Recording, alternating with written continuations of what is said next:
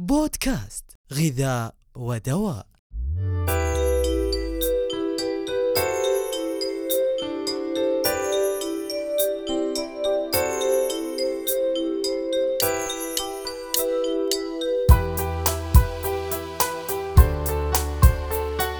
أسعد الله أوقاتكم بكل خير وأهلا وسهلا بكم في الحلقة العشرين من بودكاست غذاء ودواء.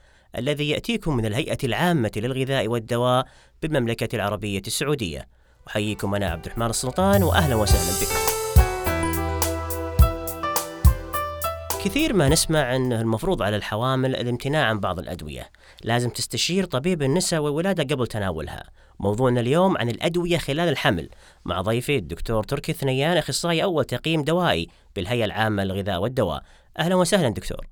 أهلا وسهلا دكتور عبد الرحمن أرحب فيك وأرحب بجميع السادة المستمعين.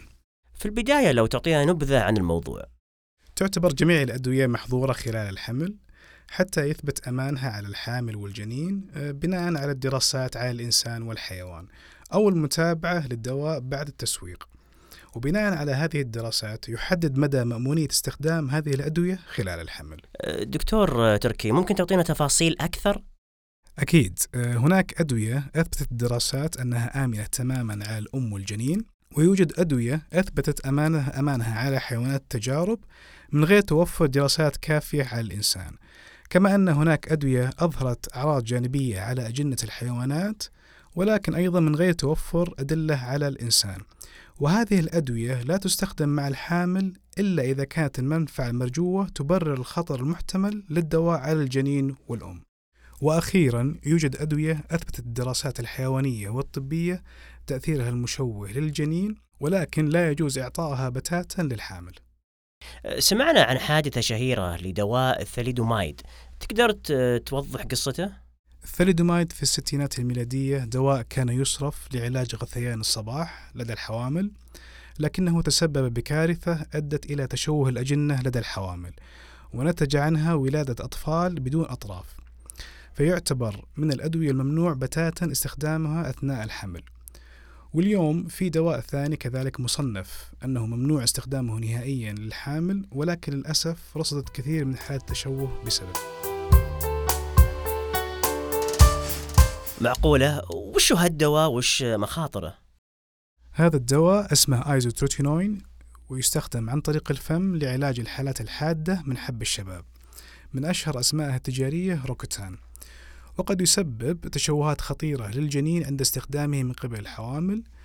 قد تكون تشوهات هذه تشوهات خارجية مثل عدم وجود أذنين أو أذن واحدة أو تشوهات داخلية قد تحدث للقلب والجهاز العصبي. طيب وش تنصح السيدات اللي يستخدمون هالدواء؟ يجب ألا تكوني حاملا أو تخططين للحمل قريبا ودائما يفضل استخدام أكثر من وسيلة لمنع الحمل عند استخدام دواء الأزيوتروتينوين. أما إذا كنت حاملا أو تعتقدين أنك حامل أثناء العلاج يجب عليك التوقف فورا ومراجعة الطبيب المختص.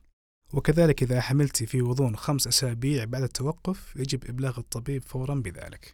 دكتور تركي نحتاج نصائح أخيرة. يجب على المرأة الحامل أو المرأة التي تنوي الحمل تجنب أخذ أي أدوية بدون وصفة طبية وأن تقوم بإبلاغ طبيب النساء والولادة عن أي أدوية كانت تستخدمها قبل الحمل أيضا يجب عليها الحرص على قراءة النشرة الداخلية قبل تناول أي دواء وعند الحصول أعراض جانبية لا قدر الله إبلاغ المركز الوطني للتيقظ الدوائي في الهيئة العامة للغذاء والدواء وذلك باتصال على المركز الموحد آه، على رقم واحد تسعة تسعة تسعة تسعة. كل الشكر للدكتور تركي ثنيان أخصائي أول تقييم دوائي بالهيئة العامة للغذاء والدواء على ما قدم في هذه الحلقة. وأنتم أعزائي المستمعين للمزيد من المعلومات أدعوكم لزيارة ركن المستهلكين بالموقع الإلكتروني للهيئة العامة للغذاء والدواء.